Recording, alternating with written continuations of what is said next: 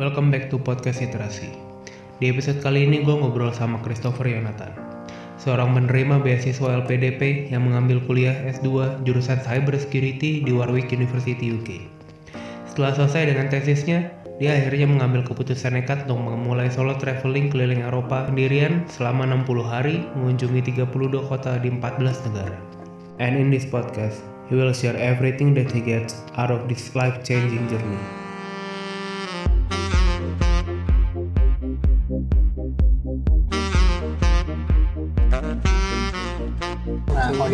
Indonesia tuh kebalikannya. Mereka sama sih tidak menghargai kesehatan mental lo, tapi sangat kepo terhadap masalah pribadi orang. lain.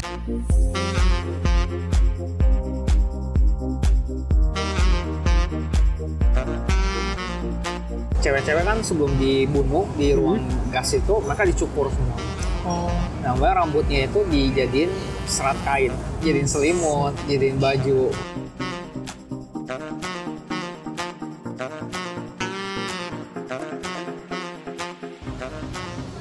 Kan kuliah UK.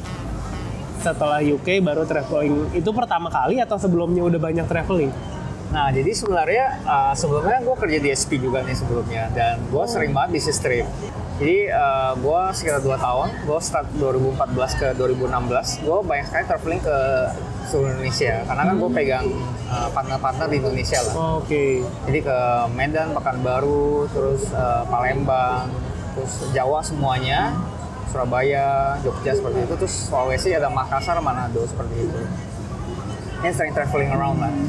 Nah, gue waktu itu belum punya mindset sebagai traveler gitu. Oke. Gue nggak pernah yang namanya extend. Walaupun misalnya gue bisnis trip dari hari Rabu ke hari Jumat, Jumatnya gue pulang. Karena gue rasa yaudah udah cukup lah gitu.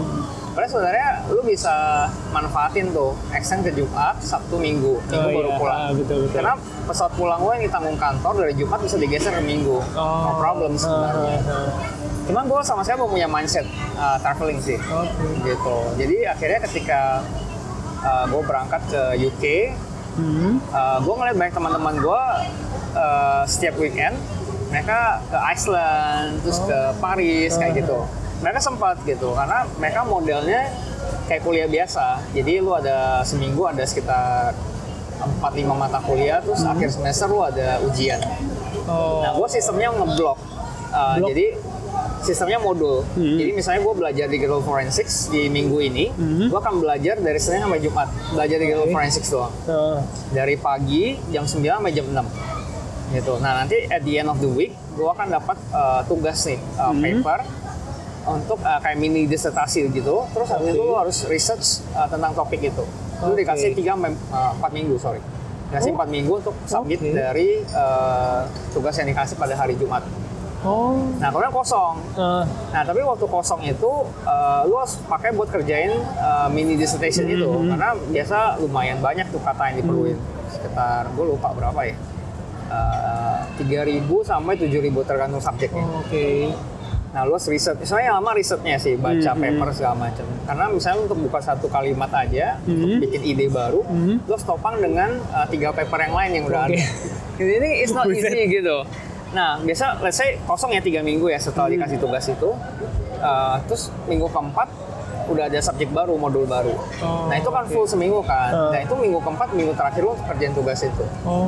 Is lu nggak bisa sebenarnya nunda sampai minggu keempat. Minggu Uh. ketiga lu udah, harus kelar Oke. kayak gitu. Jadi itu kayak terus gitu, Oh. nggak berhenti sampai gua mau disertasi.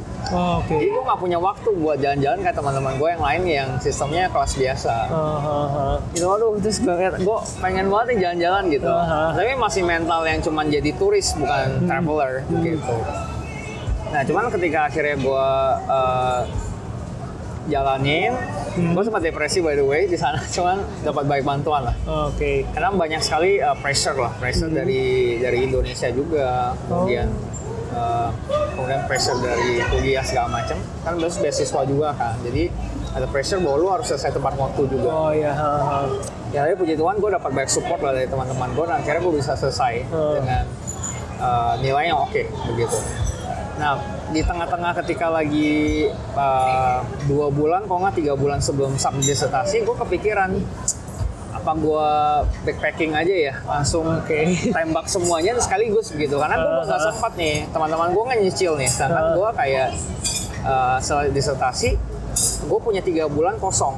Jadi gue sampai. September. Heeh. Uh, gue harus nunggu uh, graduation gue Januari Oh. kan gue pengen banget ikut graduation kan Mhm. Nah, itu kosong tiga bulan nah kepikiran oleh gue kenapa nggak gue pakai tiga bulan tuh buat jalan-jalan Oke. daripada lu pulang ke Indonesia Heeh. terus balik lagi buat graduation itu mahal iya, banget iya, tiketnya iya. kan dan Oh. nggak dibayarin sama beasiswa gua jadi daripada duit tiketnya itu sayang buat gua pulang ke Indo baik lagi mending Heeh. pakai buat keliling Eropa gitu nah ide itu muncul sih. Terus gua mulai ceritain ke teman-teman gua supaya ini jadi.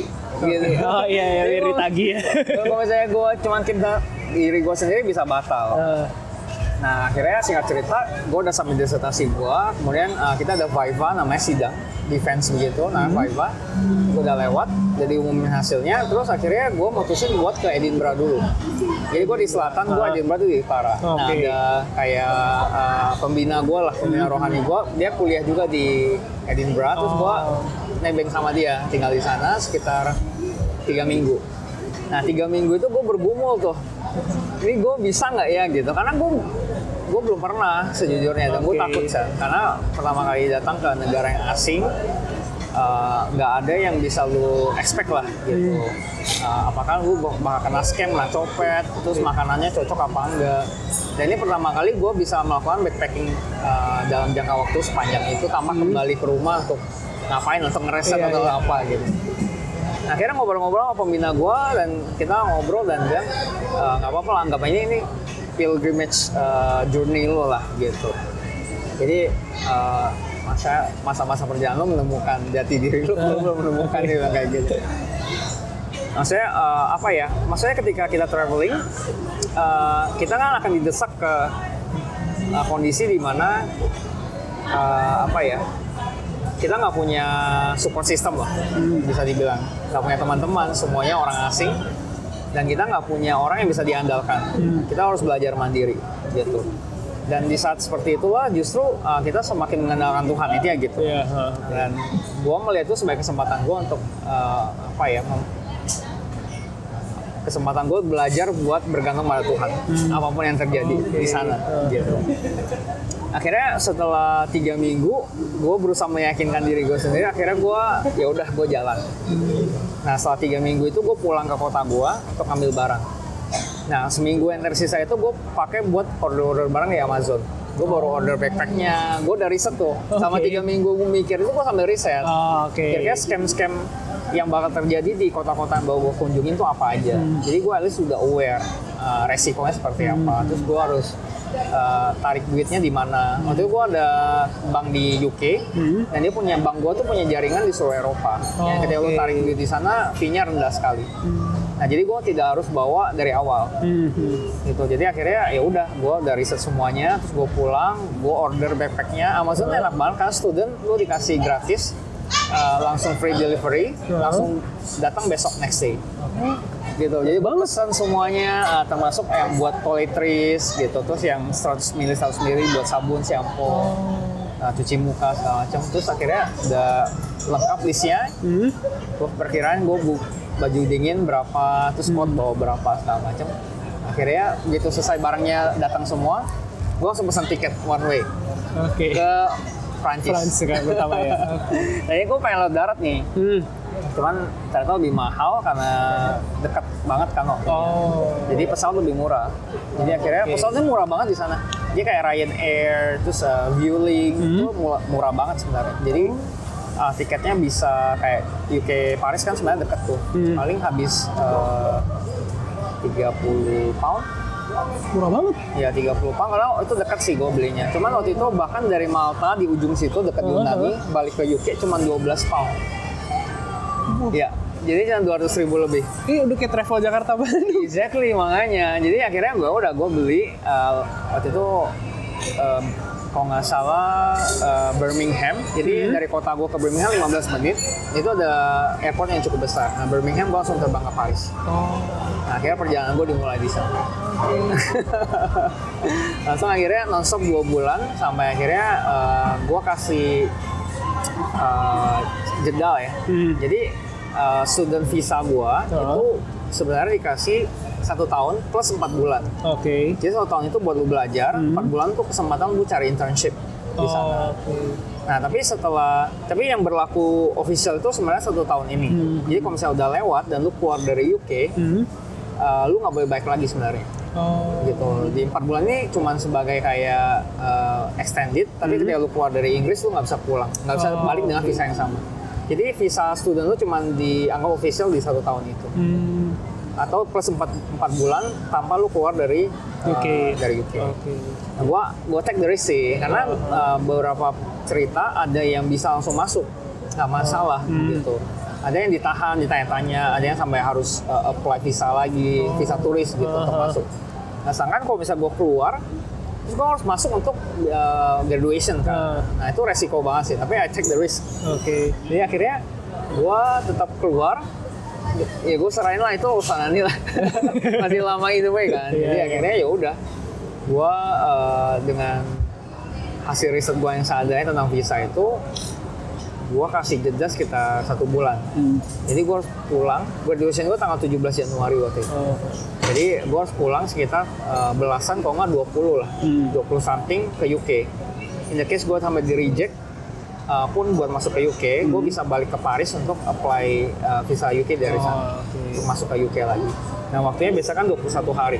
Oh. atau tiga minggu biasanya. Atau 14 hari kerja. Tapi gue kasih buffer seminggu sih. Untuk uh, plan B-nya. Hmm. sampai gue kalau nggak bisa masuk ya udah. Gue masih punya jeda buat uh, apply visa baru untuk masuk ke UK lagi untuk graduation. Sama gue pengen Natalan sama pembina gue yang di Edinburgh itu sih Oh. sama keluarganya kan. Istri anak-anaknya kan di sana ya gue nggak pengen sendirian lah uh, Christmas di Eropa yang nggak ada siapa-siapa begitu jadi rencananya seperti itu Uh, jadi ya udah, gue akhirnya tanggal 24 Oktober tepatnya, gue sampai di Paris dan itu mulai uh, perjalanan gue sampai tanggal 21 Desember. Gue terbang dari Malta balik ke Edinburgh, oh. gitu singkatnya. Wah. Tapi itu pergumulan berat loh untuk meyakinkan diri gue is okay.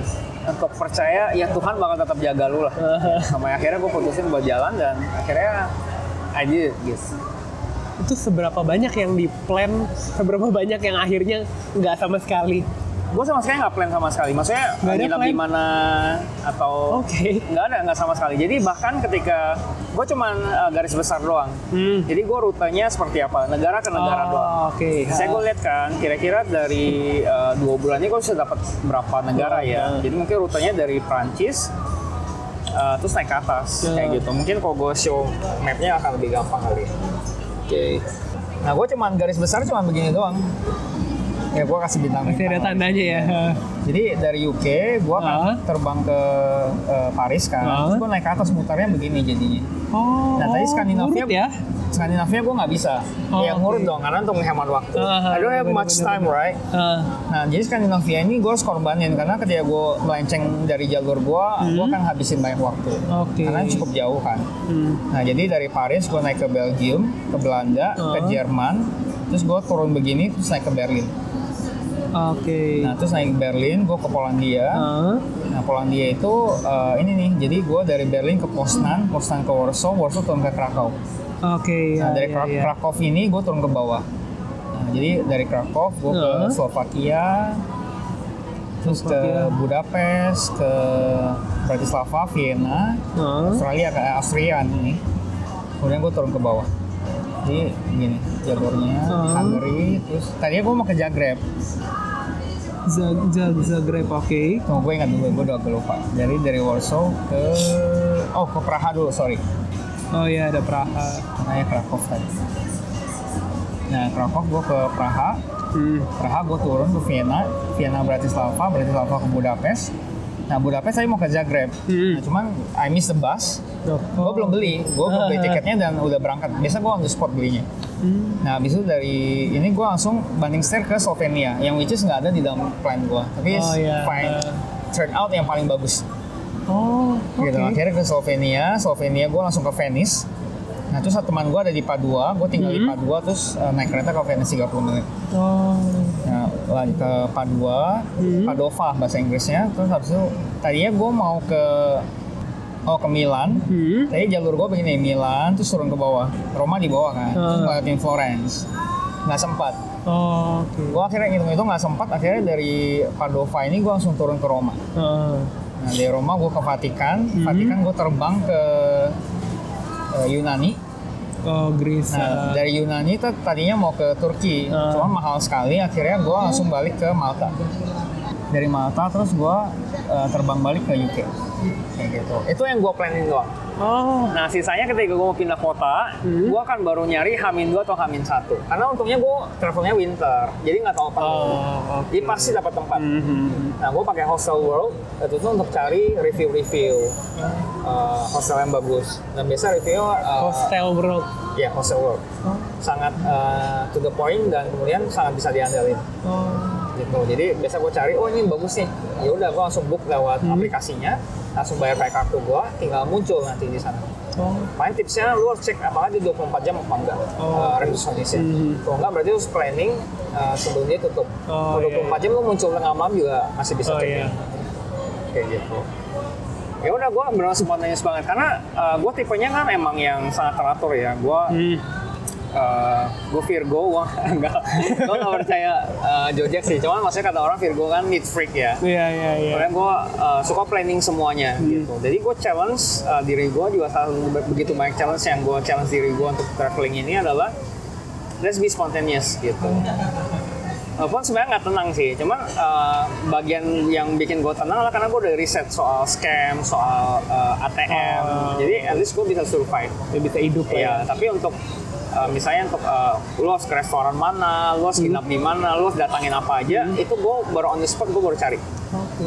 Dari sini gue ke mana segala macam gitu. Jadi gue lebih enjoying my time, bukan ngejar target. Oh, gue harus misalnya di Paris harus ke Evo, harus ke ini segala macam enggak. Tapi kalau I have, if I have time, gue akan ke sana.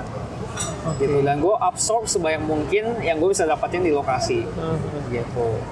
Karena ada tipe yang uh, sehari pengen datang ke tujuh tempat. Oh iya. gitu. Oke, misalnya dia harus ke kayak kemarin di Jepang kan uh, teman gue tipenya begitu. Jadi ketika kita ke um, Inari Temple yang warna oranye itu yang sampai tinggi nah dia udah planning tuh sehari itu harus ke mana aja gitu di Inari kita baru sampai setengah belum sampai puncak terus waktunya udah habis. Kita harus jam in lagi ke tempat lain. Nah gue sebenarnya kurang suka begitu. Gue pengen ketika sampai di sana ya udah gue absorb sebanyak mungkin tuh sampai puncak gue enjoying my time. Kalau begitu selesai sempat gue baru ke next spot kayak gitu. Gue nggak pengen terburu-buru sebenarnya. Cuman kan itu karena uh, travel berdua ya tetap begitu lah. Gue harus lu harus bisa adjust diri lu sama travel partner lu. Karena enaknya solo traveling adalah you have your own time and your own, own pace gitu. Jadi uh, I learn one things juga ketika uh, gue berturut-turut traveling begitu. Gue cuman maksimal bisa 10 hari uh, traveling terus menerus kan Oke. gua, gua cukup ekstrovert ya orangnya. Jadi kalau ketemu orang sebenarnya gua nggak masalah. Ah. tapi se ekstrovert ekstrovertnya orang pun dia pasti butuh me time kan. Iya iya. Nah waktu itu gua nggak pernah tahu nih seberapa eh, apa ya seberapa lama gue bisa expand ke ekstrovert gue tanpa harus bisa have- uh, having me time gitu. Oke.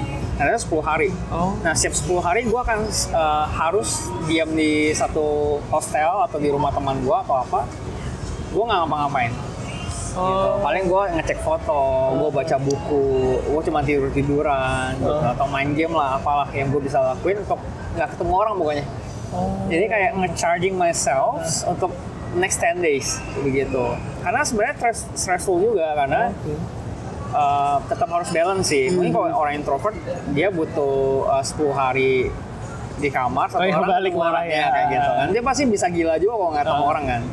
Gitu. Uh, extrovert mungkin sebaliknya. Dan gue pelajari um, gue cuma bisa bertahan 10 hari untuk baterai gue sebelum gue butuh me time benar-benar sendiri nggak ngapa-ngapain. Aku habis nge-scrolling sama fitnya Kak Chris kan. Ah. Yang aku notice yang pas itu adalah di hari ke-22 dan di hari ke-42 persis beda 20 hari itu Kak Chris bilang nggak ngapa-ngapain. Oh iya, di tengah satu lagi sebenarnya. Oh iya iya. Oh, karena emang karena butuh istirahat itu. Iya, ya? butuh istirahat. Karena gue coba nyari momen pas di rumah teman sih. Jadi kan nggak bayar hostel kan. Jadi gue bisa lebih guilty free lah untuk Oh. nggak ngapa-ngapain gitu kan. Tapi kalau terpaksa pun gue akhirnya lebih memilih untuk eh, nggak ketemu orang sih. Gitu karena ketika tinggal di hostel serunya adalah eh, lu bisa ketemu banyak orang dari seluruh dunia yang tinggal di hostel itu. Oh. Tapi kalau hostelnya bagus, syarat pertama gue nyari hostel adalah dia punya common room Oh, supaya kita bisa oke. ngumpul dan ngobrol gitu. Kedua baru fasilitas WC sama kamar segala macam. Karena itu yang bikin satu pengalaman lu di satu kota jadi berkesan gitu, ketemu orang-orang ini gitu dan uh, di kota-kota awal kan sebenarnya gue masih belajar nih. Nah, di Prancis gue nggak ada kenalan sama satu orang New Zealand, tapi nggak tahu lu ngobrol gimana. Terus di kota-kota berikutnya, gue masih banyak teman di sana. Di Belgia gue punya teman, di Belanda apalagi orang Indo yang baik banget. Oh iya. Uh, terus di Jerman kan sama Polandia sama teman baik gua. Hmm. Nah begitu turun dari uh, Krakow itu gua uh, krisis nih. Oke. Karena gue ingat banget tuh hari 23 gua jalan dan gue sangat stres. Karena tiba-tiba kepikiran gila teman-teman gue pulang nih ke Indonesia udah mulai cari kerja dan gue di sini menghabiskan uang, menghabiskan uang. Karena traveling is not our culture kan, it's not a norm things gitu dan Hmm. Iya, iya. gue merasa wah gila ya kalau misalnya gue terus menerus begini terus kayak gue mau ngapain sih ini gitu kayak kehilangan tujuan gue Oh, iya, ngapain iya, gitu iya. gue nelfon ke istrinya pembina gue Ci aduh gue stres nih gitu karena itu pertama kali gue akhirnya pisah sama teman gue terus nggak ada companion lagi Oh. itu gue sendiri Oh. sebenarnya yang bikin stres adalah karena gue ke Aus- Auschwitz Nah, gue baru update captionnya sih, yang di Auschwitz itu concentration campnya orang Yahudi di Polandia Oh iya iya aku lihat fotonya itu. itu 1,1 juta orang meninggal dibunuh di sana. It's a very depressing experience. Dan itu makin bikin gue down gitu. Oh. Wah parah sih. Gue rasanya pengen pulang ke UK. Oh. gue stop di sini aja gitu. Tapi untungnya gue berhasil melewati itu sih eh, sekitar seminggu, Hmm. 7-8 hari. Terus gue passing krisisnya. Habis itu udah gue mulai enjoy lagi gitu. Nah, ketika gue ketemu bike traveler di luar sana, gue tanya, lu ngalamin ini nggak? Oh iya, gue juga bilang gitu. Tapi waktunya beda-beda, ada yang dua bulan, ada yang tiga minggu kayak gue, ada yang setelah yang dua bulan ini dia jalan tujuh bulan lu bayangin cewek dari New Zealand. Buset. Dan dia ngalamin krisis ini di bulan kedua. Dia nggak tahu dia ngapain, ini is a good decision apa enggak kayak gitu. Nah, ketika lu ngelewatin masa krisis itu, lu jadinya harus itu langsung ketagihan traveling karena tubuh lu langsung menyesuaikan semuanya. Setiap uh, tiga empat hari lu harus packing, pindah kota baru, ketemu orang baru, cobain makanan baru, pindah lagi seperti itu. Nah itu, wah gila ini hidup yang gue pengen. Jadinya terbalik serius. Gue nggak ngerti kenapa gue bisa langsung ketagihan setelah itu. Jadi dari Czech Republic sampai habis, is uh, really enjoying every bit of the of the trip gitu baik interaksi dengan orang lainnya makanan baru terus ketika uh, lu ngerasa excitement setiap saat oh besok gua ke mana ya? Apa yang bakal ketemuin ya gitu. Karena you never you will never guess apa yang lu bakal ketemuin di sana di tempat baru gitu. Sekarang sekarang kan bosan nih rutinitas. Oh lu tahu besok lu udah mau meeting sama siapa. Oh besok ada rencana ini terus bangun pagi seperti itu lah rutinitas biasa gitu. Tapi lu traveling seperti itu lu gila sih apa ya kayak adrenalin itu tuh terpacu terus gitu dan selalu ada excitement untuk uh, menanti pengalaman baru apa yang bakal temu. The next city the next country. Gitu. Makanya setelah itu kayak gradually pas aku ngeliat foto kayak makin banyak orang yang komen, makin banyak temen-temennya, makin banyak orang baru Iya, kayak gitu gitu. iya, iya. Makin beda aja ya. ya jadi ya, kita learn lah Uh, maksudnya kita makin belajar dari satu kota ke kota lain gitu dan maksudnya kita makin berani salah satu challenge yang gue challenge ke diri gue sendiri adalah uh, kan gue afraid of rejection sebenarnya jadi Oke. gue sangat males untuk memulai pembicaraan dengan orang lain Hmm. karena takut di reject sama orang lain Oh, Oke. Kayak lu siapa sih orang asing ini? Gitu.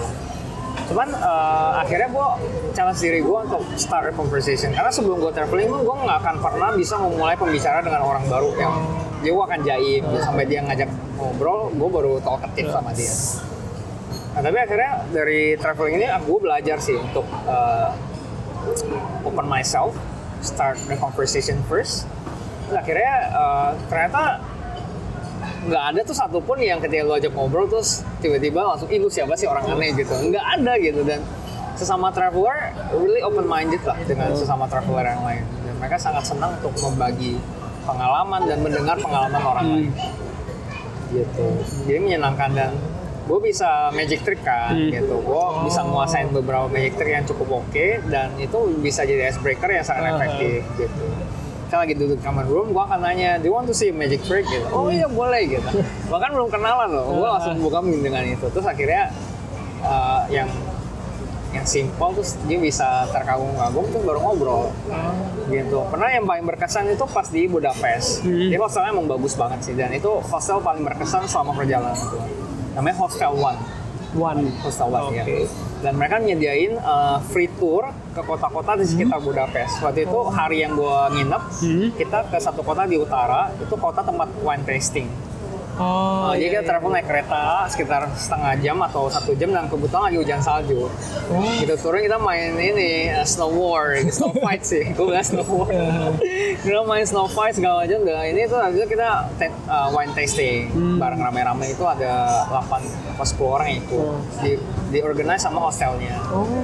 Seru banget Iya, gitu dan pegawai-pegawai hostelnya tuh travel-traveler yang part time juga di sana Oh. dan mereka dikasih tempat tinggal gratis di sana. Gitu. Jadi makanya sangat welcome. Terus mereka punya free dinner. Free dinner yang masak Wow. ya itu mereka. Oh, yang oke. travel-travel yang part time itu. Kita bisa kasih donasi sih. Mhm. Gitu. Terus mereka masak, kita jadi karena free dinner semuanya ngumpul. Nah, Ah. it's a very best idea sih gitu. Dan akhirnya kita ngobrol. Terus gue ketemu satu orang namanya Mario. Hmm. dia orang Brazil. Pas gue tanya lu udah travel berapa lama? Gue selalu nanya itu sih karena kan Oh, Oke. dari yang tiga bulan gue kira gue udah cukup ekstrim ya dua Iya, bulan oh gila nggak ada apa-apanya. Ini si Paige cewek New Zealand ini udah tujuh bulan. Udah tujuh bulan dan ongoing. Terus gue kira dia udah gila nih udah ekstrim banget gitu. Karena yang lain empat bulan lima bulan. Gitu. si Mario ini gue tanya lu udah berapa bulan Uh, bulan depan gue genap setahun jalan. Anjir gue lu udah ke mana aja? Gue bilang gitu kan. Banyak banget bro. Dia bilang kayak gitu kan. Dia bilang uh, dia Southeast Asia hampir semua. Tapi dia nggak mampir ke Indonesia waktu itu. Oke. itu dia uh, naik ke India Hmm. ke China. Terus dia lama di Israel. Oke. Uh, Israel dan Timur Tengah sekitarnya. Mhm. terus itu baru dia naik ke Eropa. Nah dia keliling Eropa terus ketemu gua di Budapest gitu dan dia belum selesai jadi dia masih selalu di Budapest dia akan uh, jadi rutenya hampir sama sama dengan gua waktu itu dia ke Yunani terus ketemu di Malta Hmm. habis dari Malta dia ke Afrika Oke. jadi ketika gue udah sampai Indonesia, dia baru mulai perjalanan Afrikanya dia. Wah gila sih, gue masih ngeliatin perjalanannya dia. wow, berarti total satu setengah tahun kalau nggak salah dia jalan. Jadi begitu dia pulang, dia storyin kan, dia pulang. Oh. Ketemu keluarganya pertama kali lagi setelah satu setengah tahun jalan. Gila. Kamu tanya, lu gimana funding uh, traveling lu? Gue Iya. gitu kan. Terus dia udah mau kerja, dia udah kerja berapa tahun, dia udah 30 something. Oke. Terus dia jual rumah, jual mobil, hanya untuk trip ini. Wah gila sih, orang luar sih nggak Nih, mikir loh. orang luar ini nggak kerja di tengah-tengah gitu berarti? Karena dia jadi volunteer katanya. Tapi Oh. Afrika sebenarnya jadi volunteer buat buat sekolah-sekolah. Oh, kalau Afrika banyak. Tapi ya mungkin dia punya reserve money yang cukup banyak sih. gitu. Tapi it's amaze me gitu dia Iya, traveling se- sepanjang itu. Ya udah akhirnya eh, kadang kita pergi jalan akhirnya ketemu teman baru kita jalan bareng explore Hmm. kotanya bareng gitu dia. Jadi no plan gitu. Jadi, ah lo mau ke mana? Oh, gue nggak tahu nih. Ya udah ke sini. Oh ya udah ya pergi. Gitu. Kalau misalnya kita tiba-tiba eh, berbeda tujuan, Hmm. ya tinggal pisah gitu. Jadi lebih enak begitu. Oh ya udahlah, gue bakal ke sana dia ke sana. Nanti ketemu di hostel lagi. Oh. Ngobrol-ngobrol pas malam, pas dinner. Satu kali waktu itu uh, mereka ada drinking game setiap malam. Drinking gamenya rame-rame di Hmm. Hmm. organize sama ini juga. Jadi habis dinner, habis free, lunch, eh, free dinner itu mereka main. Mainnya macam-macam dari beer pong, terus Oh. ada yang pakai koin segala macam lah. Nah, cuman gua karena udah main se- malam sebelumnya, Hmm. gua lebih pengen ngobrol. Terus gua show lagi Magic Trick gua. Nah. Dari dua orang tiba-tiba semuanya berhenti main ngerubunin gua.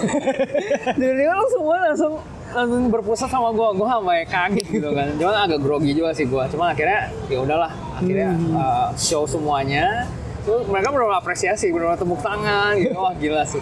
Bedanya sama orang Indonesia, orang bule itu lebih uh, apresiatif, lebih menghargai gitu. Dan Oke. mereka mau lihat uh, magic trick as a art Hmm. sebagai skill. Gitu. Iya, Dan iya, makanya mereka sama menghargai, oh gila keren banget. Tapi orang Indonesia ketika lu perform ke mereka, wah gue dibohongin nih Iya, gitu. Oh, gue langsung bohong ya. pasti kayak gitu. Iya, iya. Itu makanya nggak nggak apresiatif sama sama sekali orang Indonesia. Gitu. Jadi gue juga kaget dengan reaksi mereka dan Uh-huh. maksudnya gue belajar oh ternyata mereka sangat eh, apresiatif ya. Termasuk eh, bahkan magic trick mereka melihat sebagai satu skill Hmm. gitu. Bukan malah lu jadi korban penipuan gitu. Oh iya.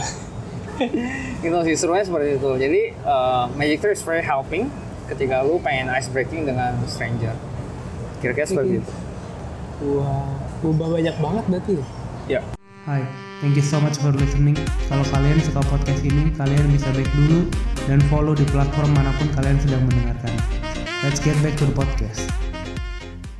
ya salah satu yang life changing juga pas yang di Auschwitz itu yang tadi gue bilang sebelumnya jadi dari semua kota yang gue datangin ini yang paling bikin mengubah cara pandang lo terhadap dunia sih begitu. karena ketika lo ke sana eh, banyak sekali jejak-jejak eh, sejarah yang dipertahankan gitu. Karena mereka ada quotes bangsa yang tidak belajar adalah bangsa yang tidak mengingat sejarahnya. Makanya bisa terulang lagi. Makanya mereka sengaja untuk eh, menampilkan semua itu supaya tidak terulang lagi di masa depan. Gitu. jadi eh, ada ruang pameran ya lu nggak bisa foto itu musim dingin bisa dingin banget kan. Hmm. itu cewek-cewek kan sebelum dibunuh di ruang gas itu mereka dicukur semua. Oh. nah mbak rambutnya itu dijadiin serat kain jadiin selimut jadiin baju. Wah gila sih serem banget sih. Terus kacamata-kacamata mereka Oh, iya. koper sepatu semuanya. Dan itu banyak banget menggunung. Dan itu bekas korban itu. Bayangin 1,1 juta orang. Itu seseram itu. Terus ada dinding-dinding yang ada bercak-bercak darah tempat Oh. mereka dihukum tembak gitu. Misalnya ketahuan melarikan diri segala macam. Mereka tuh disiksa banget. Tempat tidurnya tiga tiga tingkat bunk bed begitu. Dan kalau misalnya lagi diare itu bisa mencet ke bawah. Mereka have no choice. Dan itu kalau lagi musim dingin dingin banget kayak gitu. Wah kan ikut tour kan. Wah. Gila sih ngebayanginnya sih. Itu pulang dari sana gue stres sih. Gue depres banget gila. Ngebayangin manusia bisa sejahat itu dengan sesamanya gitu. tapi itu ya itu pengalaman apa ya eh, sejarah yang kelam lah di sejarah kita dan em, mereka belajar sangat banyak sih tentang itu makanya akhirnya eh, muncul PBB segala macam tuh Hmm. menghindari kejadian yang serupa terulang. Gue senangnya ketika traveling di Eropa lalu banyak belajar sih. Jadi selama ini yang lu cuma pelajarin di buku, Hmm. di SMP lu, ya cuma tahu raja ini segala macam. Iya, iya. Lu benar-benar ngeliat yang mata kepala lu sendiri. Dan mereka preserve eh, apa old site mereka dengan sangat baik. Kastil-kastilnya segala macam dan selalu ada free walking tour. Jadi lu bisa selalu ikut di setiap kota. Jadi eh, yang bikin satu pengalaman lu berkesan di satu kota atau negara ketika lu tahu apa yang terjadi di sana. Nah, biasa gue ikut tuh free walking tour biasa pagi jam 9 mereka bawa payung kuning biasanya. Datang carinya bahasa Inggris. Nah, itu lu akan dibawa keliling kota, dijelasin satu-satu. Jadi lu benar immerse dalam sejarah kota itu. Kenapa bisa ada kota ini, kenapa bisa punya kebudayaan ini, makanannya seperti apa. Dan lu bisa nanya uh, rekomendasi makanan apa yang yang enak, lu harus ke mana, terus uh, site-site historical yang lu harus datangin apa kayak gitu. Nanti di akhir tour lu bisa kasih donasi Hmm. uh, si kelasnya 1 euro 2 euro maupun titlenya free walking tour ya tapi mereka tetap mengharapkan Iya. Gitu. Itu- jadi kalau merasa ini bagus ya udah kasih. Oh, Oke. Itu si orang memang orangnya yang inisiatif atau mereka punya Program ininya negara? punya organisasinya. Oh. Punya foundationnya bisa dibilang. Uh, punya foundation. Jadi biasa uh, warna payung tuh yang menentukan. Biasanya yang bawa warna biru bawa hijau Hmm. bawa kuning. Nah itu warna oh foundation. ya per foundationnya oh, beda Oke. jadi mereka tuh uh, tersertifikasi Oh. uh, yang komandunya Oh. jadi nggak sembarangan bukan orang random yang, Aha, yang nggak- pengen mereka, kerja. ya mereka udah lulus udah dites segala macam udah hafal history di sana biasanya orang lokal sempat kepikiran ya oh gila kalau pulang Indo gue mau jadi uh, walking tour guide seperti ini ya gitu di Indonesia belum ada culture-nya gila gitu misalnya di Borobudur atau Iya, iya. seru ya gitu kan gitu. tapi beda lah kayaknya di Indonesia nggak nggak sampai sebegitunya tapi jadinya tahu banyak misalnya pas lagi ke uh, Budapest itu kan sebenarnya Hungaria kan agak ke sebelah sana kan ya dekat sama Turki dan kemudian sama Rusia gitu. Jadi banyak sekali uh, pengaruh kebudayaan Rusia sama Turki di sana. Oh. terutama Turki. Waktu itu karena mereka sempat dijajah lama oleh Turki. Oke. jadi banyak pemandian air panas yang uh, udah ratusan tahun umurnya di sana Oh, karena itu. gitu exactly dan akhirnya gue banyak visit pemandian air panas di sana gitu udah menyenangkan sekali karena apalagi dingin dingin Iya, kan pas musim dingin ya. Oke, atas kepala 0 derajat ini menyelam panas banget gitu, tapi seru sih. Gitu, tahu kebudayaan mereka, terus coba makan-makan lokal mereka gitu. Ya, itu yang aku penasaran sih makanan lokal di tempat aslinya. Iya. Kalau kita ngomongin soal Eropa Barat, terutama UK ya, makanannya blend banget sih gitu. Oh. Makanya banyak yang nggak cocok tuh, karena makanannya nggak ada rasa. Mhm. Tapi makin ke timur, mulai strong nggak rasa-rasanya.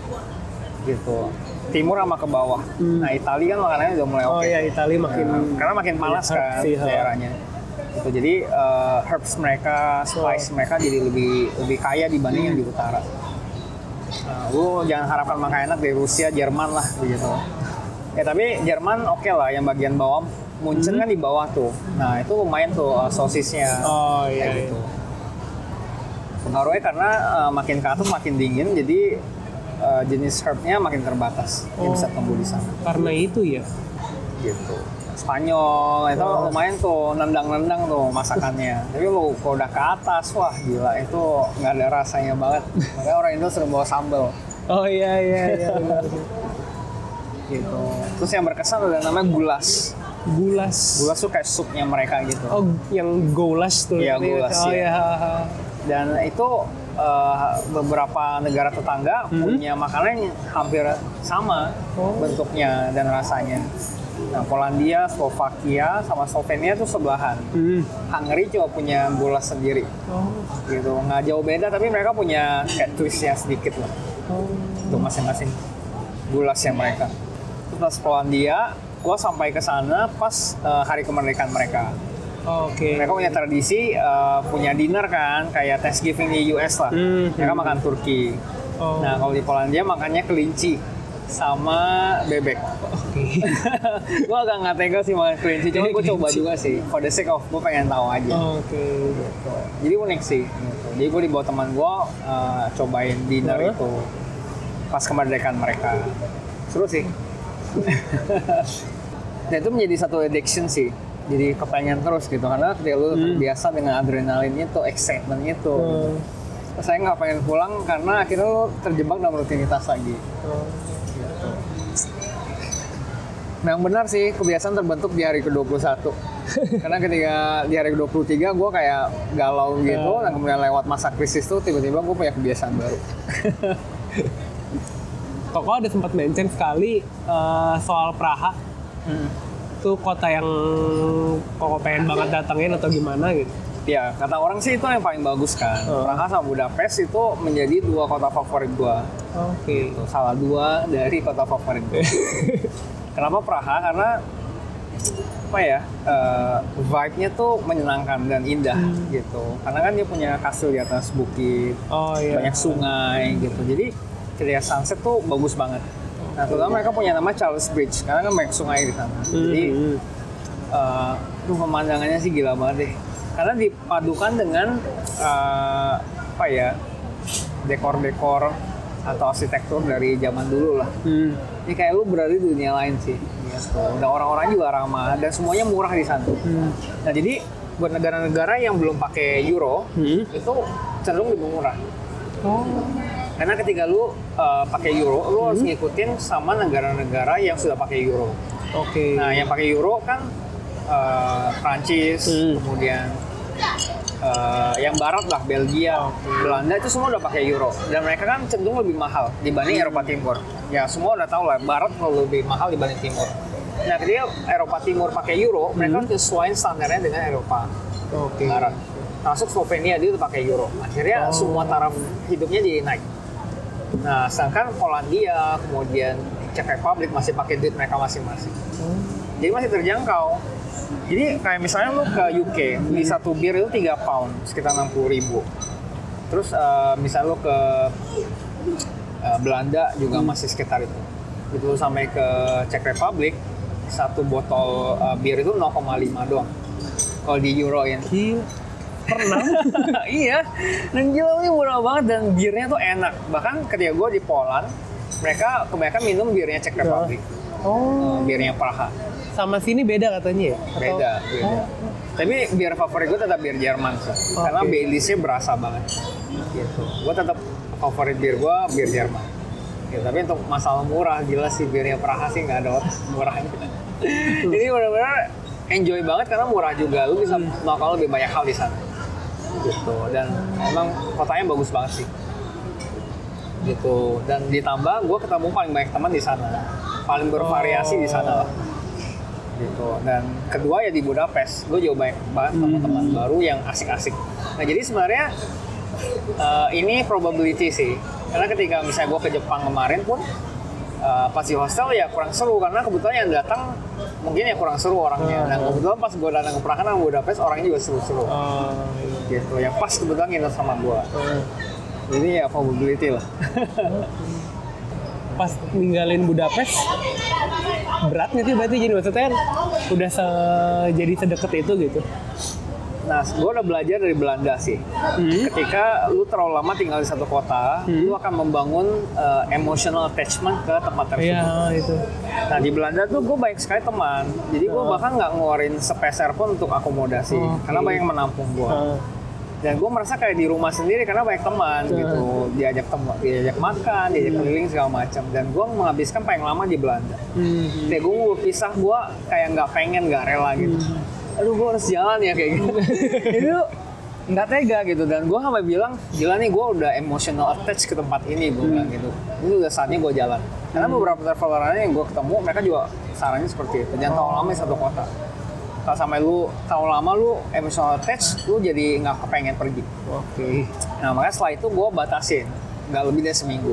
Oh. Sebelum lu emotional attach sama tempat itu. Nah untungnya di Praha gue cuma empat hari. Oke. Nah, jadi sebelum build up di sana, gue udah pindah ke kota lain. Bahaya banget gitu, karena perjalanan masih panjang. Dan kalau kelamaan nanti lu nggak bisa ngejar uh, big plan lu kan. Iya iya. Jadi uh, plan awal gue adalah ketika dari Yunani gue akan ke Istanbul. Istanbul gue terbang ke Spain, Portugal, baru balik ke UK. Oh iya. Jadi 17 negara sebenarnya plan Oke. awal gue. Waktu gue nggak cukup karena gue kasih spare buat bikin visa kalau misalnya gue nggak bisa masuk lagi. Oh. Jadi dapat 14 doang. Tapi either way, gue ketika uh, graduation pun, gue invite orang tua gue datang kan. Hmm.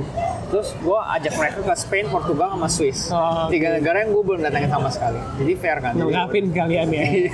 Jadi dapat juga 17 negaranya sih. Oke. At the end. Kalau koko kan tadi ada takut sama rejection ya. Hmm.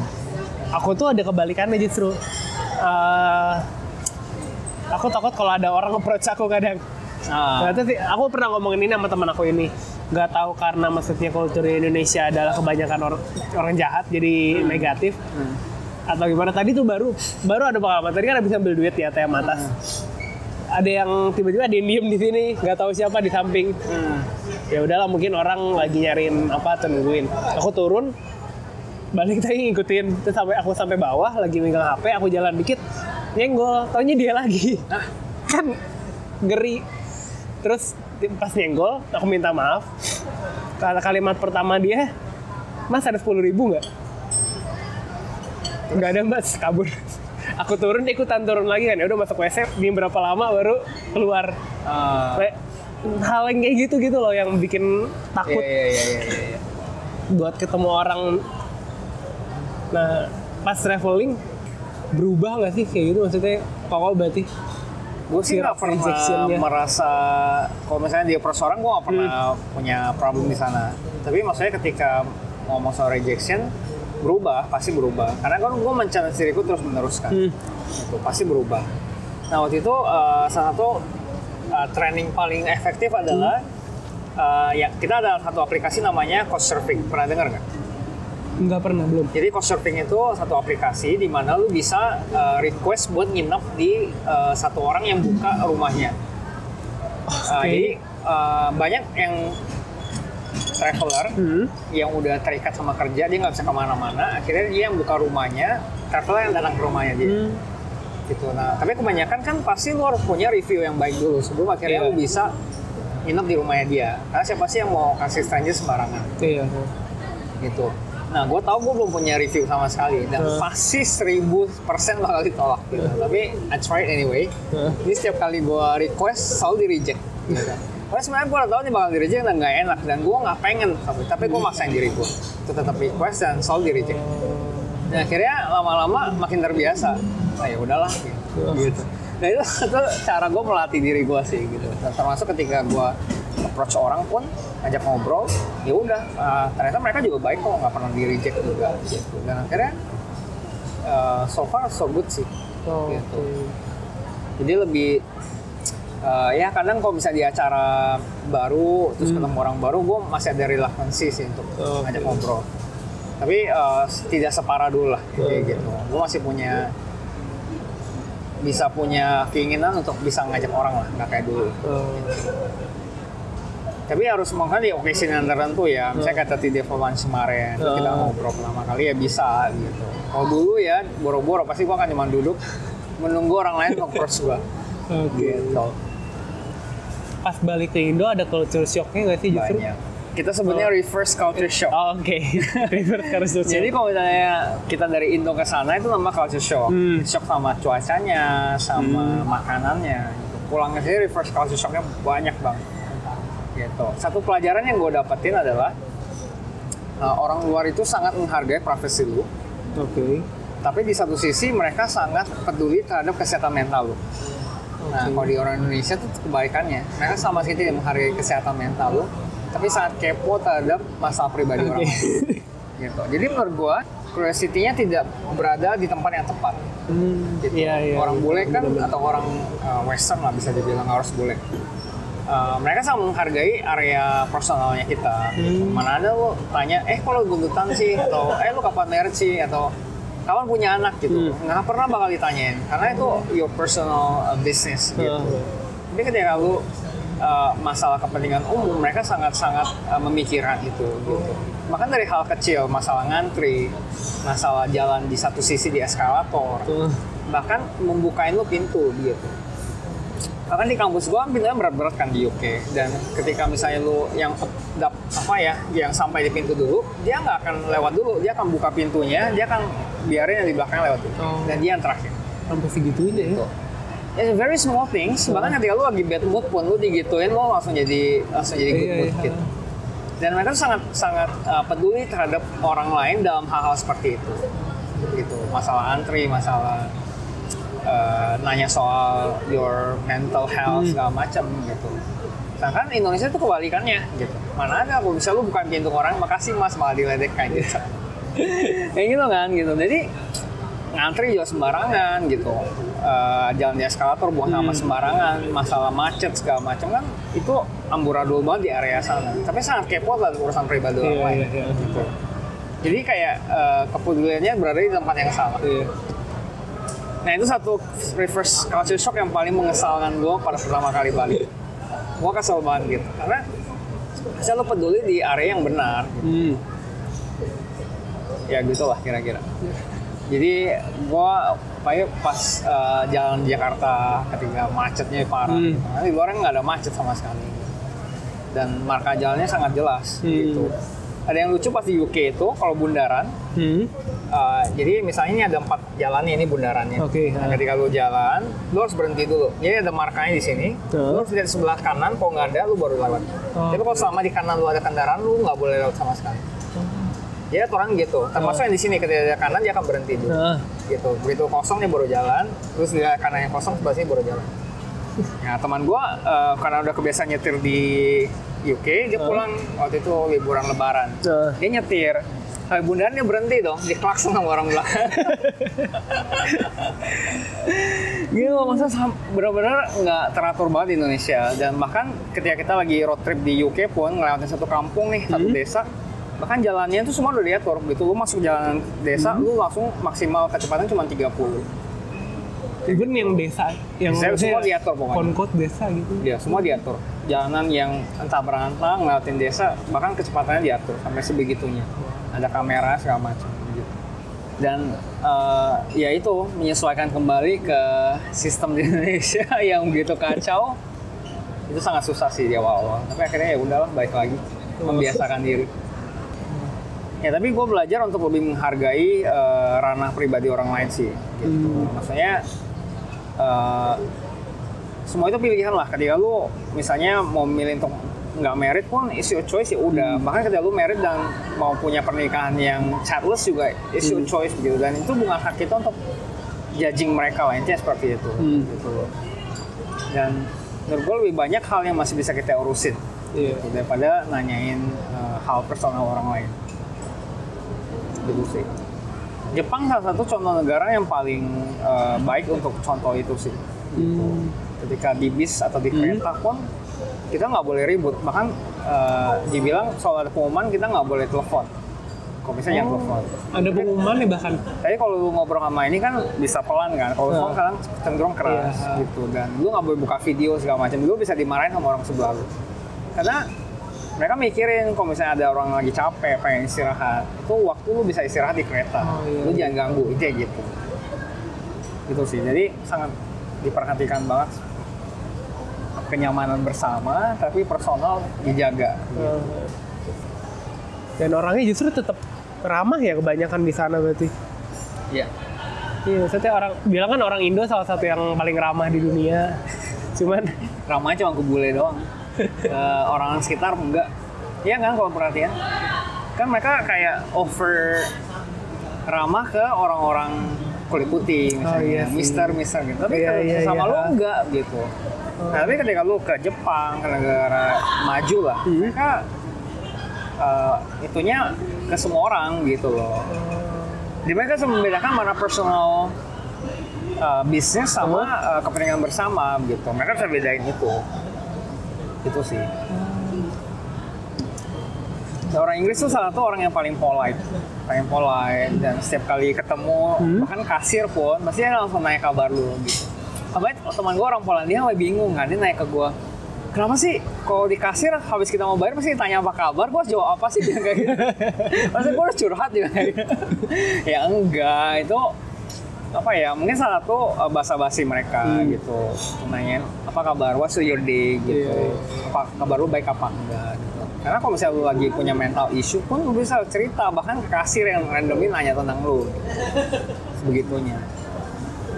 Gitu. Ya kalau lu nggak mau cerita ya ya lu bilang ya gue baik baik aja kayak gitu. eh, gitu sih Nah di sana gue juga eh, belajar tentang eh, mental health dan seberapa seriusnya orang-orang di sana melihat isu ini gitu. Karena di Indonesia kan masih melihat itu sebagai hal yang tabu buat dibicarakan. hmm. Gitu. Bahkan setiap kampus mereka tuh selalu punya eh, center buat konseling untuk Oke. muridnya secara Oh. gratis. Ada psikolog profesional yang bisa melayani. Hmm. gitu. Iya maksudnya tapi culture mereka pun kayak gitu kan. Kalau di kampus ini kan ada yang namanya BK bimbingan konseling tapi apa ya, BK itu dianggap sebagai sesuatu yang nggak penting atau enggak kayak cuma buat si- siswa yang bermasalah Iya, aja. iya, iya. Padahal mostly sebenarnya butuh. Sama eh, satu lagi yang kemarin gue minta lu ingatin eh, Hmm. masalah musim sih. Oh iya yang tinggal di satu negara di empat musim yang beda. Iya, ya. itu sangat berbeda dan gue menyadari kenapa uh, banyak sekali negara Hmm. yang berada di uh, utaranya bumi atau selatan lah yang mengalami empat musim itu akhirnya mereka menjadi negara maju. Gitu karena satu mereka tuh menghargai waktu Oke. gitu. Sedangkan kita uh, take it for granted. Kenapa? Karena begini, gue kasih ilustrasi ya. Ini menyadarkan gue juga. Karena sebenarnya gue udah tahu, cuman uh, kejadian ini sangat signifikan jadi bikin gue sangat ngeh gitu bahwa orang-orang sana sangat menghargai waktu. Hmm. Jadi waktu kita lagi musim panas, biasa kita sering barbekyuan tuh karena panas banget. Oh, Jadi kita menghabiskan waktu di outdoor. Terus gue uh, mampir ke rumah teman gue untuk prep dagingnya dulu nih di rumahnya dia sebelum ke teman kita satu lagi yang punya halaman yang gede. Oh, oh. Ngobrol-ngobrol sambil prep uh, ayam segala Mhm. macam. Terus dia cerita teman sekelas gue ini Oh. ya, gue lagi coba tanam tomat loh di halaman belakang gitu. Oke. Ada istrinya kan di sana kan, dia bilang "Eh, ini nih eh, tomatnya udah tumbuh bagus banget, udah mulai berbuah. Tiba-tiba hujan deras banget kan, Hmm. eh, storm begitu, terus mati semua. Ya sayang banget gue bilang kayak gitu. Eh nggak apa-apa nanti gue coba lagi tahun depan. Wah, shock banget. Gila, teman ini tahun depan. Karena tomat nggak bisa tumbuh pas musim eh, gugur yang udah mulai Oh. dingin dan musim dingin. Cuma bisa pas musim panas. Lu bayangin mental seperti ini yang mereka punya. Nah, ketika eh, ketika summer, ketika lagi Hmm. banyak cahaya matahari, karena kalau musim dingin itu eh, biasa setengah empat itu udah mulai gelap. Oh. Jam 4 tuh udah total totally gelap. Habis itu baru mulai terang lagi jam 8 lewat. Jam 9 baru total terang. Jadi jam 8, jam 8 kurang tuh masih kayak jam Hmm. 4 subuh di sini. Oh, gila. Jadi eh, daylight-nya sangat pendek sekali. gitu jadi mereka jadinya beraktivitasnya jadi sangat pendek jadi mereka benar-benar menghargai waktu dan semaksimal mungkin mempergunakan uh, musim panas dan akhir musim semi dan awal musim gugur gitu karena selebihnya nggak efektif Hmm. dan ini kan sebenarnya udah terbentuk culture-nya dari zaman dulu pada Iya. pada saat zaman uh, masih pertanian dan perkebunan Heeh. culture mereka sudah terbentuk bahwa ketika musim dingin lo harus prepare lo nggak bisa ngapa-ngapain pakai waktunya sebaik mungkin nah kita di Indonesia yang punya dua musim doang yang uh, suhunya stabil kita take it for granted gitu. Heeh. ah besok masih bisa lah gitu. Oh, iya, oh di sana kan nggak bisa gitu gue gagal Iya, iya. gue harus coba lagi tahun depan wow. Gue shock sih hanya tahun-tahun mereka punya kesempatan ne- next year gitu. Dan akhirnya jadi berpengaruh ke banyak sekali mental mereka dalam mengerjakan banyak hal.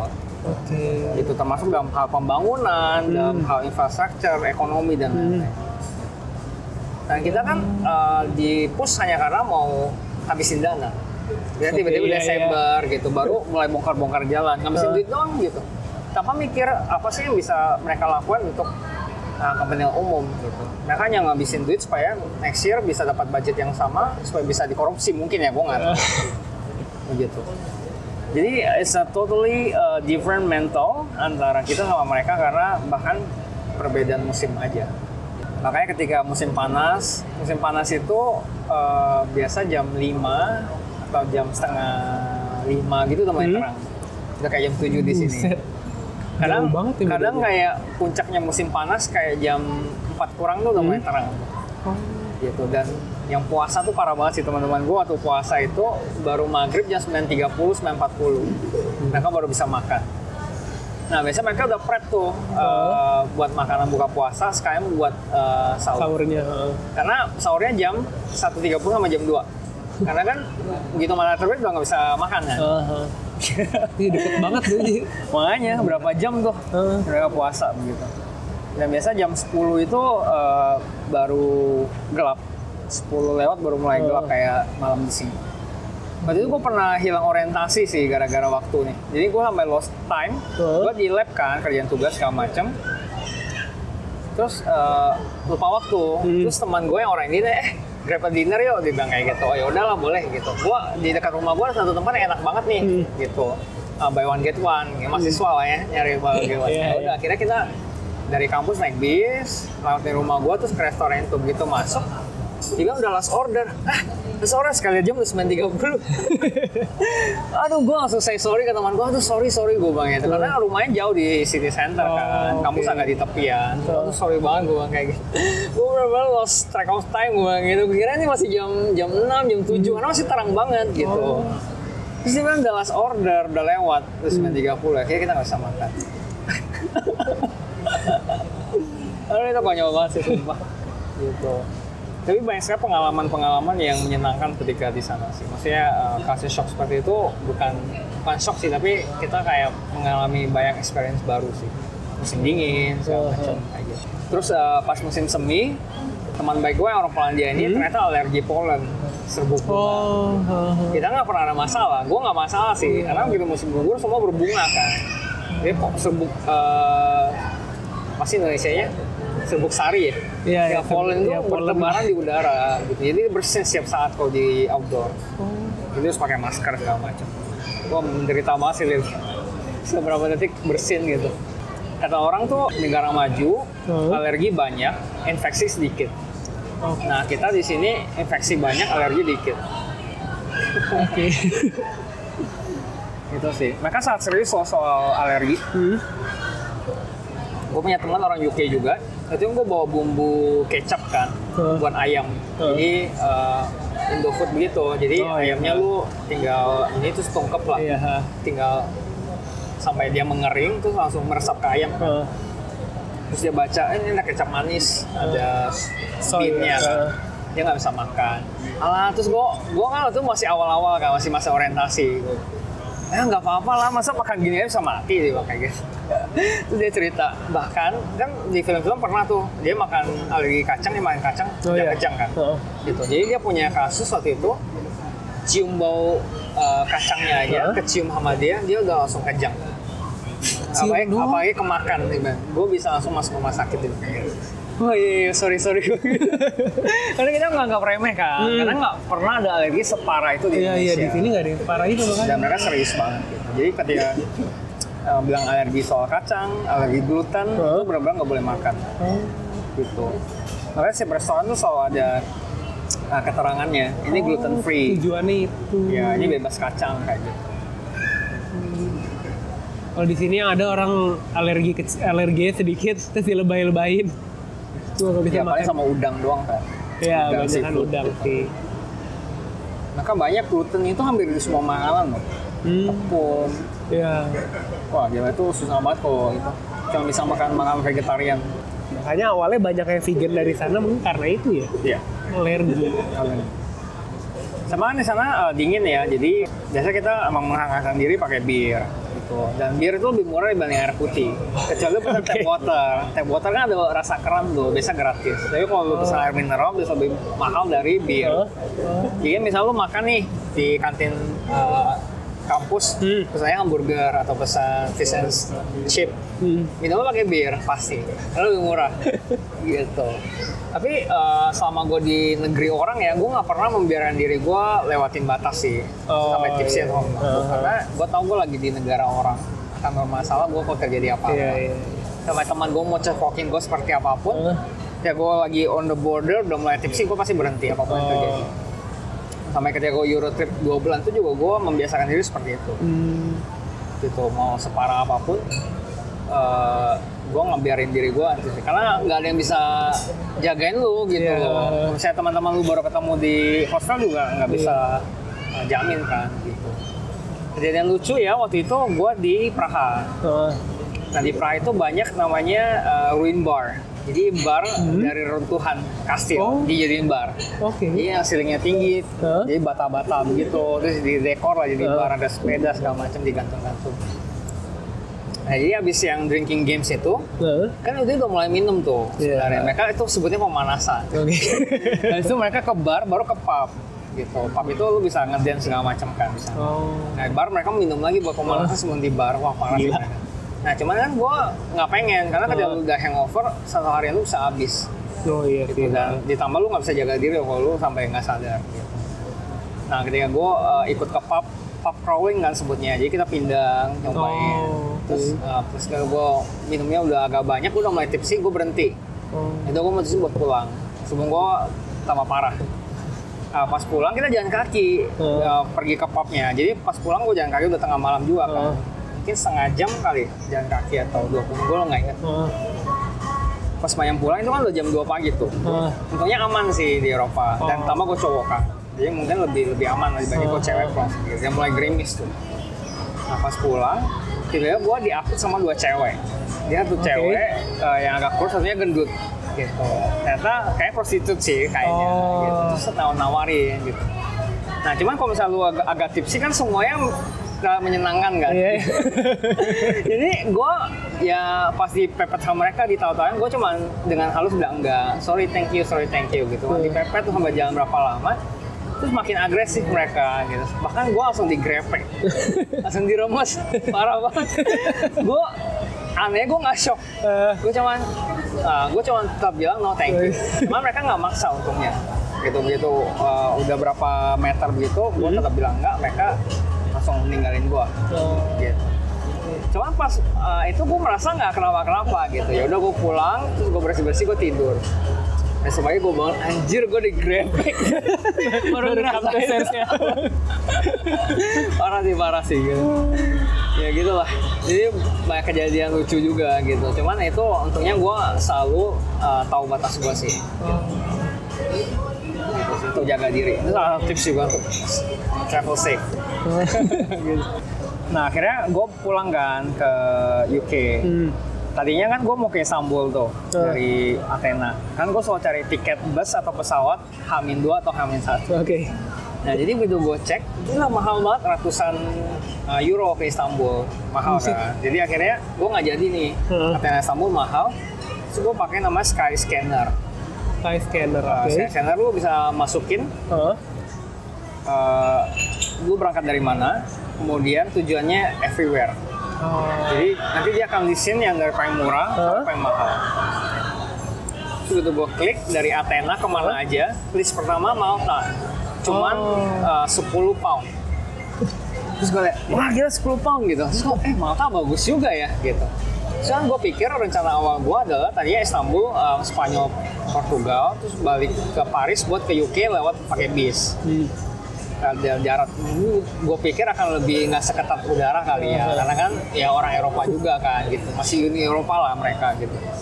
Terus eh, dari Paris ke London kan deket tuh dari bawah kan. Terus gue balik ke kota gue dulu baru naik kereta ke Edinburgh buat ngerayain Natal sama Pemina pemuda gue waktu itu nah London ke Edinburgh itu mahal banget keretanya bisa 50-60 pound Buset. gitu. Tapi kalau misalnya lu punya cara ya bisa bisa hemat lah. Tapi 50-60 pound itu sekitar hampir sejuta, Dari sejuta. ha. sejuta kurang lah. Karena dari bawah ke atas Ha. gitu. Nah kemudian eh, gua akhirnya nggak jadi ke Istanbul kan, Hmm. akhirnya gua ke Malta. Nah terus gua langsung iseng Malta ke Inggris. Nah, Malta ke mana lagi yang paling murah ya gitu. Tapi gua masih berpikir gue masih bisa selipin satu negara. Begitu gue cari Malta ke everywhere, terus yang muncul pertama dia Edinburgh, 12 pound.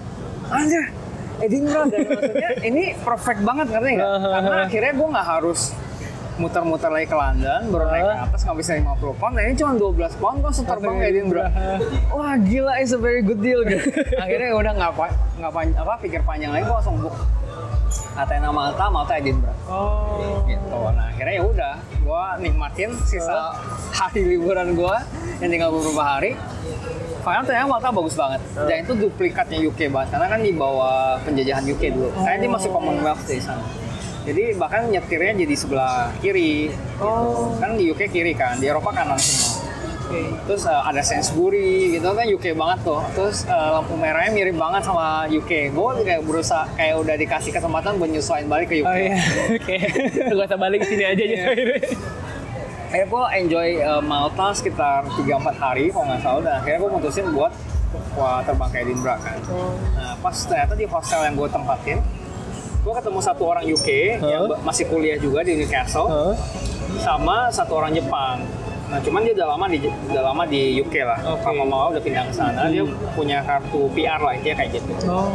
gitu dan udah udah udah lama juga tapi PR-nya kayak nggak ada masa berlaku Hmm. jadi visa kita tuh dikasih kartu Oke. nah BRP nah jadi BRP gue tuh sampai tanggal Februari itu Hmm. Nah, selesai kuliah plus 4 bulan punya dia seumur hidup nggak yang ada batas gitu wah gila BRP lu keren banget gua kayak gitu dan ternyata mereka itu satu pesawat sama gue gue sampai kaget kan eh, dan waktu diajak ke, eh lu mau minum nggak besok? Bilang kayak gitu. Oh, gue kayaknya pesawat pagi nih. Gue kayak skip deh malam ini. Gue kayak gitu. Oh iya, eh, ke mana lo? Ke Edinburgh. Loh, gue juga ke Edinburgh dong kan. Bisa jam berapa? Sebenarnya 11.25 sama gitu. Terus dia bilang satu eh, Suzuki yang orang Jepang satu pesawat juga sama kita Oh. gitu. Ah gila perfect banget gue bilang gitu. Kita satu taksi aja nggak usah naik bis karena bisnya parah banget di Malta. Karena waktu uh, gua dari bandara ke ini gua cerita sih di Instagram gua Hmm. itu muter-muter gitu dan gua sampai mabok Sampai gitu. bikin mau muntah Iya. itu ya. akhirnya ya udahlah kita naik taksi aja Gua lagi bertiga kan Oh. sampai di bandara gua cerita ke mereka eh tau nggak gue ini taking risk nih keluar dari UK itu ceritain dan mereka tahu dan kalau misalnya keluar dari UK kan hangus nih sudah Uh. visa gue dan it's a risk for me to actually cannot enter Uh. re-enter UK gue bilang kayak gitu. Dan I have a chance to go to Paris actually to uh, make a new visa gue bilang kayak Uh. gitu. Oh ya udahlah gitu kan. Terus uh, ya udah bisa gampang lah mereka bilang gitu. Gitu sampai di uh, bandaranya Malta. Uh. terus kan mereka lewat tiba-tiba gue ditahan sama petugasnya dia lihat paspor gue nah di Eropa itu kan gue pindah negara pakai bis nggak dicap sama sekali Oh. cap terakhir gue adalah ke Perancis Ah. dari UK dua bulan lalu Iya. Terus dia tanya ini lu dari mana aja ya? Kok Uh. cap terakhir lu uh, dua bulan lalu di Uh. Bahkan dari Athena gue naik pesawat ke Malta bahkan nggak dicap loh. Gue sampai bingung. Kok bisa? Nah jadi akhirnya gue bilang, oh ya gue uh, back apa road trip, Uh. gue backpacking selama dua bulan gue bilang Hmm. gitu. Dan emang selama di Eropa gue nggak pernah dicap. Dan terakhir kali gue dari uh, sebelum Malta dari Yunani, dari Athena gue bilang kayak gitu. Terus gue ditanya-tanya tanggal lu pertama kali keluar UK sampai di sana semuanya. Untung gue very good at at number di Uh. memori gue jadi gue ingat semua tanggalnya Oh, Oke, oke. ditanya gue langsung jawab semuanya oh ya udah lewat gitu Nah, agak lama kan, segitu gue nyusul mereka, eh, lu kenapa ditahan? Udah panik dulu. gue nggak tahu nih paspor gue tiba-tiba muncul di Malta soalnya gue bilang gitu dari dua bulan lalu kan. Nah jadi akhirnya ya udah gue naik, naik pesawat, udah sampai di UK, sampai di Edinburgh gue udah deg-degan nih. Aduh gila ya, gue udah sampai di Edinburgh di atas nih. Gue kalau misalnya dideportasi, gue naik pesawat lagi pulang ke Paris gue kayak gitu. Balik, bahkan balik ke Malta kan, itu very worst case banget nih. Gue udah berdoa banget. Aduh Tuhan smile, gue bisa lolos Uh. nih. Gue udah berserah banget karena the end of my journey, and ini yang paling menegangkan. Uh. Dan akhirnya eh, kita sampai di imigrasi. Nah, yang orang UK ini Huh? kan dia nggak butuh kan, dia nggak lewat imigrasi karena dia orang lokal. Iya. Beda jalur. Kita foreigner kan yang orang Iya. Jepang ini sama gua. Sampai di antrian, di gua nih orang eh, Jepangnya si Suzuki, Suzuki itu. Terus gua ngeliat eh, ada satu bapak-bapak kayak mukanya baik banget, Huh? baik terus kebapaan. Terus satu lagi yang kumisan terus galak banget. Setiap kali itu dia mengapa senyum. Ya Tuhan, semoga gue dapat si bapak yang baik. Berdoa gitu. Tiba-tiba dia selesai, si Suzuki yang maju ke dia. Aduh Tuhan, gila. gue dapat si bapak ini karena cuma dua orang. Oh, Wah, mati lah oke. gue gitu kan. Tiba-tiba begitu Suzuki baru maju, ada satu uh, petugas cewek, imigrasi juga, dia lewat. Are you two together? Maksudnya travel together kan? Yes, we are together. Ya udah maju juga sekalian. Oh, Wah, gila, parah sih. Gue sampai luar biasa. really gue udah hati nah akhirnya gue maju sama si Suzuki akhirnya dilayanin sama satu bapak yang baik itu Oh, Wah, gila gue lolos dari bapak yang jahat itu nggak jahat sih gue nggak tahu cuma mukanya menyeramkan cuma find out ya ketika lagi uh, ngurus imigrasi dia uh, ternyata si bapaknya baru Hmm. gitu dan jadi dia belum punya pengalaman Uh. kasus seperti gue Iya. itu uh, miracle pertama terus kan karena kita berdua langsung maju Hah? Terus dia ngeliat uh, biarnya Suzuki itu yang seumur hidup dan dia baru Oh, pertama oke. kali lihat juga. Uh. Akhirnya dia nanya-nanya lama banget di Suzuki. Pas giliran gue udah nggak ditanya. Itu kan gue kayak mancing-mancing itu kan. Iya ya tadi pesawatnya muter-muter setengah jam karena bad weather Oh. kan gitu. Terus nanya how is Malta? How is Malta? Malta is very amazing. Gitu. Weather segala macam gitu. Kita malah ngobrol itu. Oh. Dia cuma nanya gue kuliah di mana, kapan Oh. selesai. Gue cuma bilang next year. Uh. Karena graduation gue next year berarti Iya. nggak sebulan. Nah, akhirnya si orang Jepang ini nanya eh, apa ya kok di periksa detail banget biasanya cuma lewat oh iya karena gue orang baru Oh. gitu gila sih parah banget dan ini itu kebetulan banget gue dapat Iya, iya, teman iya. seperjalanan terus ternyata di interview bareng sama dia dia lebih lama akhirnya gue nggak ditanya-tanya dan langsung lewat Waduh, gue langsung banget sih. Gue nggak harus ke Paris ngurus visa baru, Iya. langsung masuk aja. Wah, gila sih. Nah, gue balik ke UK ketemu teman gue kan. Eh, kok lu masih di sini? Bukan lu lagi jalan-jalan? Kok bisa masuk lagi sih kayak gitu? gue nggak tahu gue lagi gitu. Akhirnya balik sih. Terus dijemput sama pembina gue kan. Oh. Wah, gila sih. Gue langsung cerita ke dia. I itu. end my journey very with very well ending gue bilang kayak gitu. Saya mengakhiri perjalanan gue dengan sangat baik. Jelas. Dengan miracles by miracles. Dan maksudnya kebetulan banget lo ke Malta kan. Lo bayangin ternyata kalau misalnya gue jadi ke Istanbul, terus lewat jalan darat, belum tentu bakal se happy ending Iya. ini. heeh. Nah, you know what? Uh, ada satu orang uh, Brunei yang Hmm. udah tinggal di Australia dia ketemu di Budapest. Oke. Jadi uh, dia satu grup sama dua yang dua orang satu orang Australia satu New Zealand yang cewek yang tujuh bulan itu. Oh. Sampai satu grup. Nah cuman pisah kan di Budapest. Nah dia bilang dia mau ke UK. Hmm. Nah kebetulan kan gue dari tanggal 21 udah balik ke UK kan. Hmm. Dan gue ke bawah itu buat graduation gue pasti lagi di London. Oh, nah jadi gue oke. temanin dia. Uh. Gitu. Gue temanin jalan-jalan. Dia cerita pengalaman dia pas lagi di uh, jadi dia ke London melalui uh, jalan darat Uh. dari Paris naik bis Hmm. terus sampai di London dia ditahan di imigrasi sampai 5 jam Kok serius gue bilang kayak gitu? Katanya di darat tuh jauh lebih uh, ketat. Oh, karena siapa pun bisa travel lewat darat.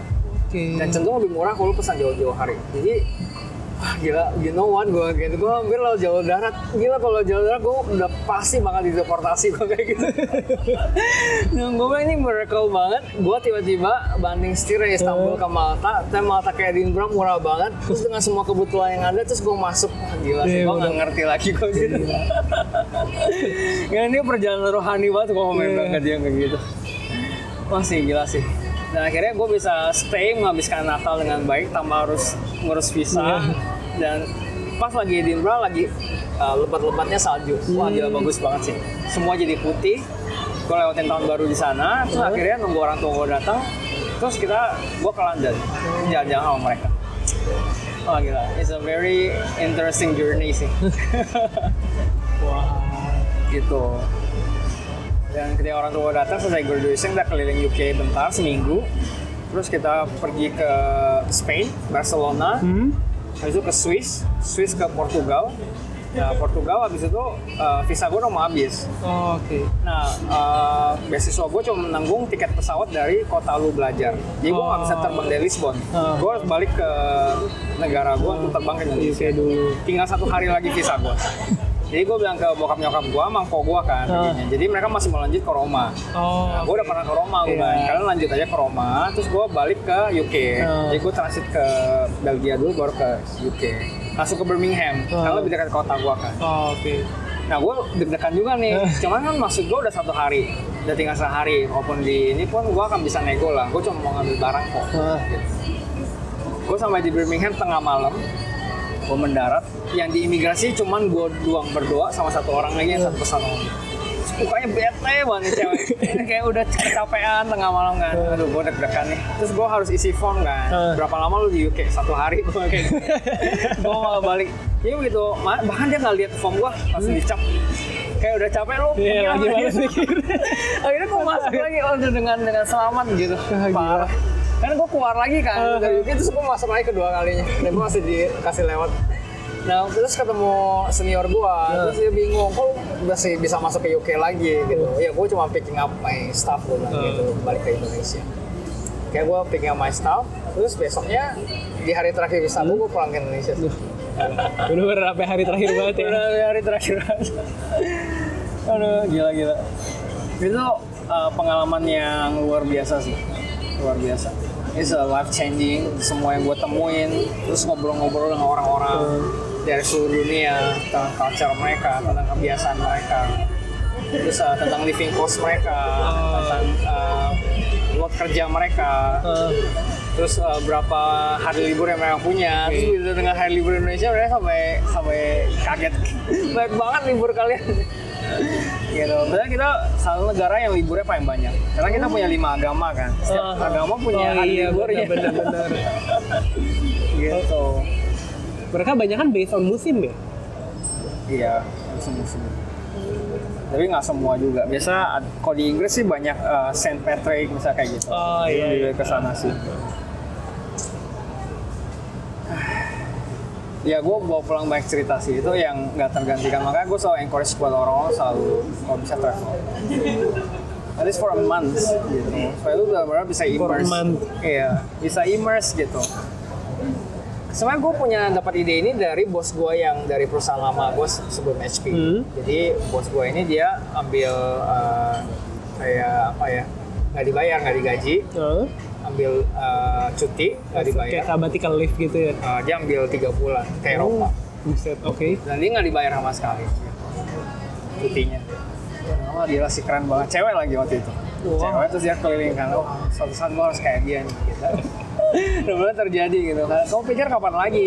Gue udah udah di Eropa kan. Nah, iya pas banget sih ya. Nah sebenarnya yang mahal adalah tiketnya. Tiket ke sana. Gitu lu sampai di sana, lu travel bis tuh murah sebenarnya. 7 pound, 12 pound gitu. Murah banget Iya, pindah tiket negara. travel biasa aja. Iya. This uh, worth it banget untuk dijalani dan dialami.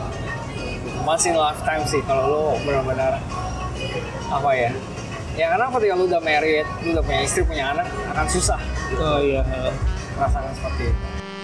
Guys, thank you so much for listening. Sorry di episode kali ini nggak ada outro yang proper karena rekamannya entah kenapa mati di tengah-tengah. Kalian bisa follow Instagram gue di @michael